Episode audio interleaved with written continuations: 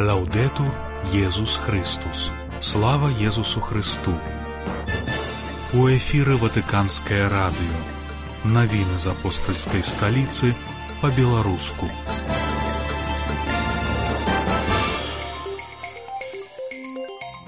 Папа заклікаў святароў несці жывую ваду Евангеля ў сэрцы людзей і свет. Айцец Юхневіч падзяліўся ўражаннямі ад рымскай сустрэчы канцэкраваных асоб. У другой частцы праграмы наша рубрыка старонкі гісторыі. 8 лютага вас вітае Марыя Валодзіна.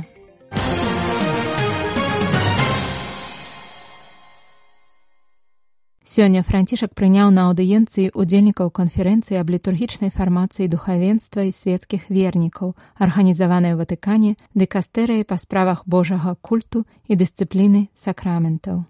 Яна адбылася ў кантэксце 60годдзя канстытуцыі аб святой літургіі сакросантум концыліум, прынятай на другім ватыканскім саборы.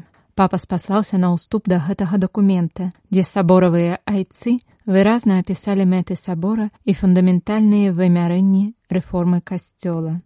З кожным днём развіваць хрысціянскае жыццё сярод вернікаў, лепей дастасоўваць да патрэб нашага часу тыя інстытуцыі, якія падлягаюць зменам, падтрымліваць усё, што можа аблегчыць аб'яднанне ўсіх веруючых у Хрыста, умацоўваць тое, што дапамагае заклікаць усіх людзей ва ўлоне касцёла. Пантыфік адзначыў, што гаворка ішла пра глыбокую працу па духоўным, пастарскім, экуменічным і місійным абнаўленні. Айцы сабора добра ведалі, што для яе ажыццяўлення трэба было пачаць з аднаўлення і развіцця літургіі, бо без літургічнай рэформы няма рэформы касцёла.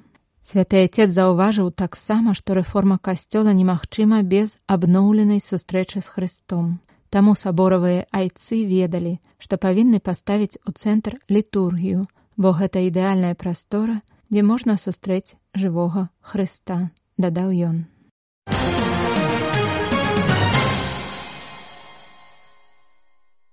Францішак заклікаў святароў жыць радасцю Евангеля, не губляць пачуцця прыналежнасці да Божага народа і дапамагаць людзям нашага часу нарадзіцца да новага жыцця ў Хрысце. Сёння папа Францішак прыняў на аўдыенцыі ўдзельнікаў міжнароднай канферэнцыі аб пастаяннай фармацыі святароў, арганізаванай у Ватыкане дэкастэрыі па справах духавенства. Ён заклікаў памятаць пра пяшчотную любоў і міласэрнасць Бога, і сведчыць пра яе жыццём, каб усе маглі адкрыць для сябе прыгажосць збаўчай любові Бога, аб'яўленай у памерлым і ў васкрослым Езусе Хрысце. Будзем памятаць, што казаў святы Павел VI, быць сведкамі перш чым настаўнікамі, сведкамі Божай любові, адзінай, якая важная, заахвоціў пантыфік. Тут мы знаходзім краевугольны камень пастаяннай фармацыі, не толькі святароў, але кожнага хрысціяніна, сказаў папа, нагадваючы, што толькі прымаючы і захоўваючы радасць Евангеля, мы зможам несці гэту радасць іншым. Святы отец звярнуў увагу на важнасць цэласнай чалавечай фармацыі для святароў. Быць вучням пана гэта лад жыцця і таму патрабуе клопату пра нашу чалавечнасць. Ёсць патрэба ў цалкам чалавечных святарах, здольных на добрыя адносіны, сталых у пераадоленні выклікаў служэння, каб суцяшэнне Евангеля дасягнула Божага народу праз іх чалавечнасць, перамененую духам Езуса. Не будзем ніколі забываць пра гуманізуючую сілу Евангеля, заклікаў пантыфік. У эфіры ватыканскае радыё. Навіны з апостальскай сталіцы па-беларуску. Наша рэдакцыя паразмаўляла зайцом Анджеем Юхневічам, аблатам Марыі беззаганнай і старшынёй каардынацыйнай групы вышэйшых настаяцеляў у Беларусі, які правёў мінулыя дні у вечным горадзе. Інтэрв'ю адбылося ў кулуарах міжнароднай пленарнай асамблеі прадстаўнікоў кансакраваных асоб, якая праходзіла ў рыме з першага па чацвёртага лютага. Каля трохсот дэлегатаў 60 краін свету сабраліся разам у Ватыкане у межах падрыхтоўкі да юбілейнага года. Удзельнічалі ў сустрэчы і прадстаўнікі Беларусі, айцец Анджай Юхневіч, сястра Марцеліна Мігач і сястра Люцыя Бальцевіч. На пытанне аб тым, ці гэта першая сустрэча такога ўзроўню, у якой бяруць удзел прадстаўнікі Беларусі, айцец Анджей Юхневіч адказаў: Наколькі мне вядома, у такім фармаце і ў такой колькасці прадстаўнікі рады каардынацыйнай групы удзельнічаюць упершыню. Гэта сапраўды добрае мерапрыемства, таму што на ім прысутнічалі людзі з многіх краін свету. Для нас гэта вельмі важна, таму што са свайго беларускага асяроддзя мы хочам выйсці на больш шырокія воды і распавесці, што кансакраваныя асобы ёсць таксама у нашай краіне. На маю думку, гэта пашырыць наш гарызонт і дапаможа памятаць, што мы з'яўляемся часткай касцёла, які гаворыць рознымі мовамі, культурамі і яго твар мае розныя колеры. На пытанне аб тым, наколькі гэта актуальна для Беларусі, айцец Юхневіч сказаў: « На маю думку, гэта было вельмі важна для нас і нашай краіны. Удзельнікі з розных краін і кантынентаў самі прыйшлі да агульнай высновы, што нягледзячы на такую разнастайнасць, у нас падобныя клопаты і рашэнні. Мы ўсе патрабуем надзеі. Таксама можна сказаць, што мы выходзім на іншы міжнародны ўзровень, а гэта дапамагае засяроджвацца не выключна на сваіх справах, але і перажываць супольнасць касцёла больш шырокім чынам. На пытанне аб тым, які ініцыятывы плануе каардынацыйная група падчас юбілейнага года ў Беларусі, айцец Юхневіч сказаў: Гаворка ідзе пра фармацыйныя спатканні для кансакраванай моладзі і старэйшых кансакраваных. Два туры рэкалекцый для манахаў і манахінь, а таксама агульнабеларускі дзень кансакраванага жыцця і крышку адважная задума пілігрымка кансакраваных асоб у Рым у кастрычніку 2025 года на сусветнае святкаванне юбілейнага года. Спадзяёмся, што нашы планы і мары споўняцца.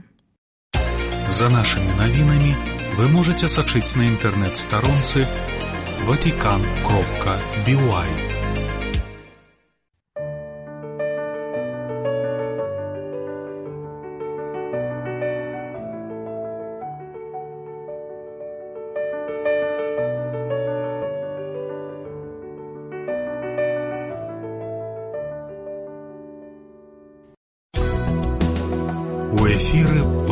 Ватыканскае радыё.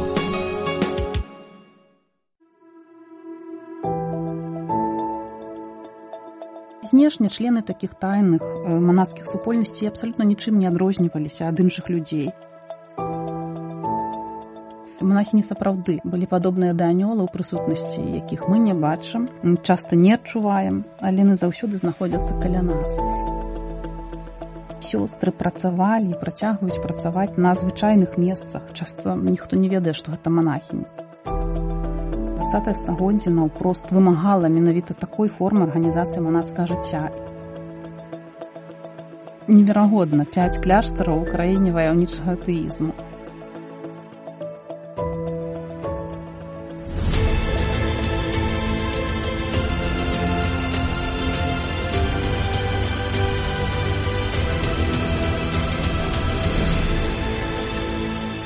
старонкі гісторыі.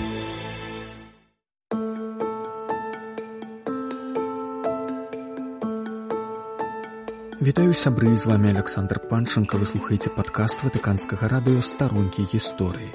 На працягу 19 стагоддзя ў выніку канфесійнай палітыкі расійскіх царскіх уладаў колькасць каталіцкіх кляштараў на тэрыторыі Беларусі скарацілася з амаль 200 да трох двух жаночых і аднаго мужчынскага, якія ўяўлялі сабой пэўнага роду інтэрнаты для манахаў і манахінь розных ордэнаў, што засталіся служыць на тэрыторыі нашай краіны.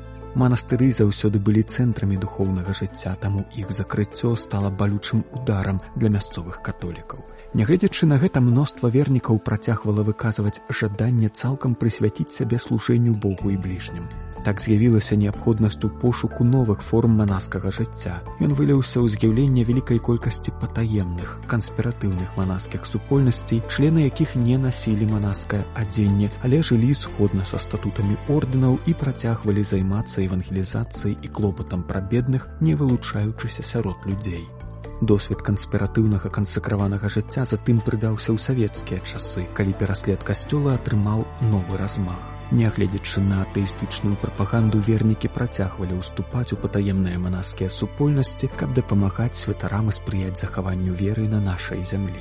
Пра гэту малавядомую старонку гісторыі каталіцкага касцёла ў Беларусі распавядзе наша сённяшняя госця спадарня Раіса Зянюк, кандыдат гістарычных навук, даследчыца дзейнасці каталіцкіх манаскіх ордэнаў і каталіцкага духавенства на тэрыторыі Беларусі ў 19-20 стагоддзях. Вітаю вас спадарня Раіса. Добрый дзень вітаю вас. Найбольш вядомай на тэрыторыі літвы і беларусі жаночай патаемнай манаскай супольнасцю была кангрэгацыя сясцёр аданёлаў у чым заключалася яе дзейнасць на працягу першага паўстагоддзя дзейнасці гэтай кангрэгацыі яна э, існавала э, выключна на тэрыторыі вільні і віленшчын монахіні сапраўды былі падобныя да анёла ў прысутнасці якіх мы не бачым часта не адчуваем але яны заўсёды знаходзяцца каля нас і сёстры працавалі працягваюць працаваць на звычайных месцах. Часта ніхто не ведае што гэта монахіні іх праца па актывізацыі свецкіх да апостальства аказалася на той момант найбольш перадавой і ў большай ступені актуальнай для сучаснага касцёла. І рэалізаваць гэтую місію аказалася магчымым ва ўмовах канспірацыі. Зрэшты да сярэдзіны два стагоддзя сёстры аданёлаў складалі абяцанне маўчання. Ніхто не ведаў што яны належаць да кангрэгацыі Здаецца, што на беларускіх і літоўскіх землях заснаванне анілянак стала прароцкім учынкам. Гэта супольнасць аказалася вельмі патрэбнай і важнай для касцёла таксама і на працягу два стагоддзя. Так, як мне падаецца два стагоддзя наўпрост вымагала менавіта такой формы арганізацыі манацкага жыцця і калі б яе не існавала да таго, яна абавязкова павінна была б узнікнуць у тых умовах. І тут я маю на увазе менавіта дзейнасць ва ўмовах савецкай рэчаіснасці савецкай канфесійнай палітыкі. Нашмат прасцей было быць прынамсі для ўладаў звычайнай касцёльнай кабетай, чым манахіняй. І вось у той час сёстры супрацоўнічалі са святарамі, катэхізавалі, займаліся сакрыстай, парфіяльнымі канцылярыямі, шылі літургічную вопратку, вышывалі пяклі камуніканты і многа іншае. І гэта ўсё на фоне звычайнай працы на свецкіх пасадах. Сёстры звычайна жылі і працавалі не ў вялікіх гарадах а ў невялікіх населеных пунктах альбо ў вёсках. І наколькі шырокай была дзейнасць кангрэгацыі сясцёр анілянак на тэрыторыі бСр у выніку зменаў дзяржаўных меж пасля другой сусветнай вайны.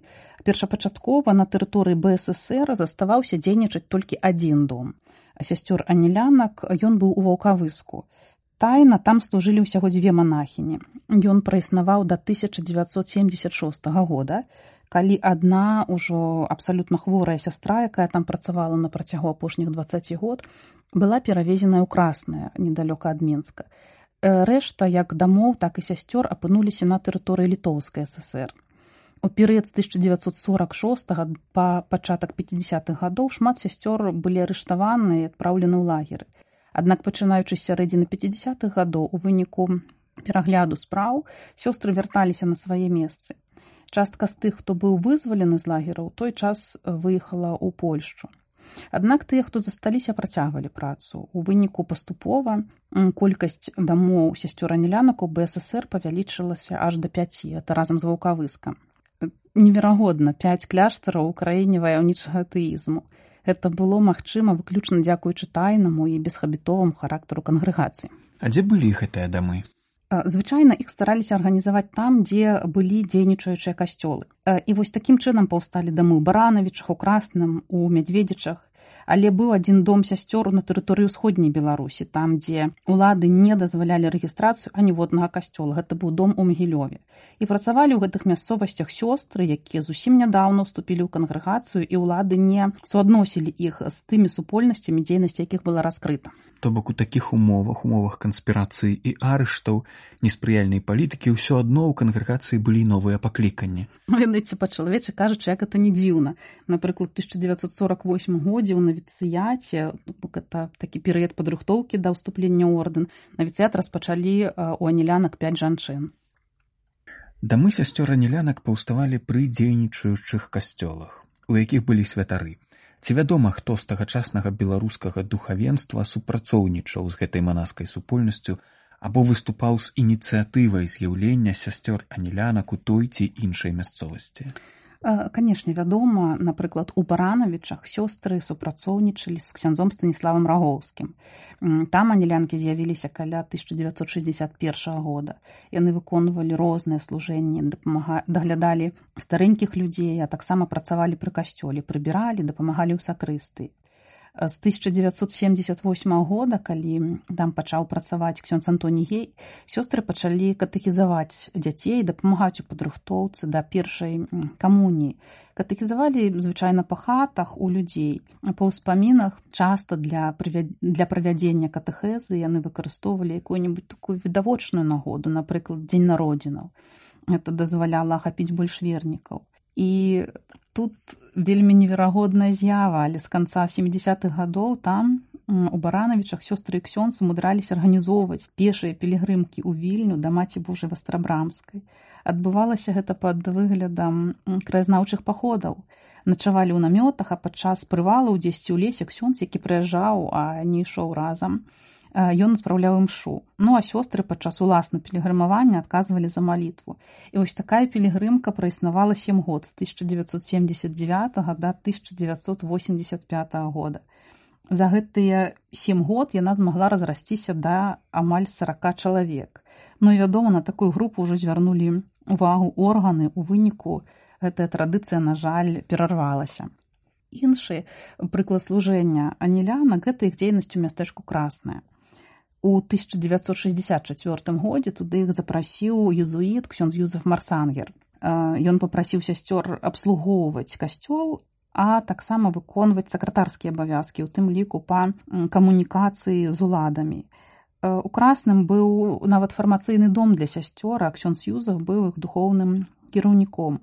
Як і паўсюль сёстры тут далучыліся да катэхізацыі, але ў красным вельмі важнай формай дзейнасці сясцёр стала трошачки іншая тут яны прымалі шматлікіх вернікаў якія прыязджалі ў красненскі касцёл які як я думаю многія ведаюць выконваў функцыю сталічнага. Зрэшты у красна на вялікія касцёльныя святы збіраліся людзі з усёй цэнтральнай усходняй беларусі. А гасцініцы ў мястэчку не было. Затое ў часы барацьбы з рэлігіяй тут фактычна дзейнічаў дом пілігрыма дом сясцёра нелянак менавіта тут прыезжыя маглі спыніцца на начлег і атрымаць пасілкі. Падаецца это таксама ў пэўным пэўнай ступені невероятна верагодная гісторыя. Ну, такая актыўнасць сясцёр, канешне, знізілася пасля пераводу ксяндза Юзефа Марсангера ў солы ў 1968 годзе, аднак яна не знікла. І вось дзейнасць гэтага дома спынілася ў 80-х гадах два стагоддзя.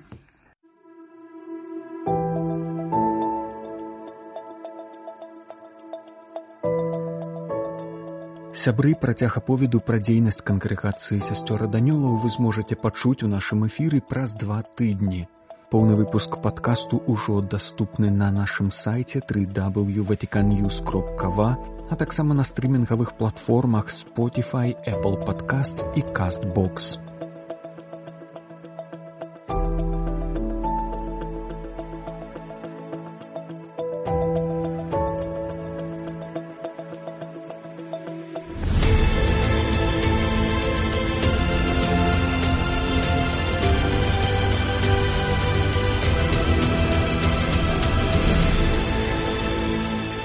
Старонкі гісторыі. Вы слухали беларускую праграму ватыканскага радыё. За нашымі навінамі вы можете сачыць на інтэрнэт-старонцы ватикан кропка бівай. Слава Езусу Христу! Лаўдету Езус Христус!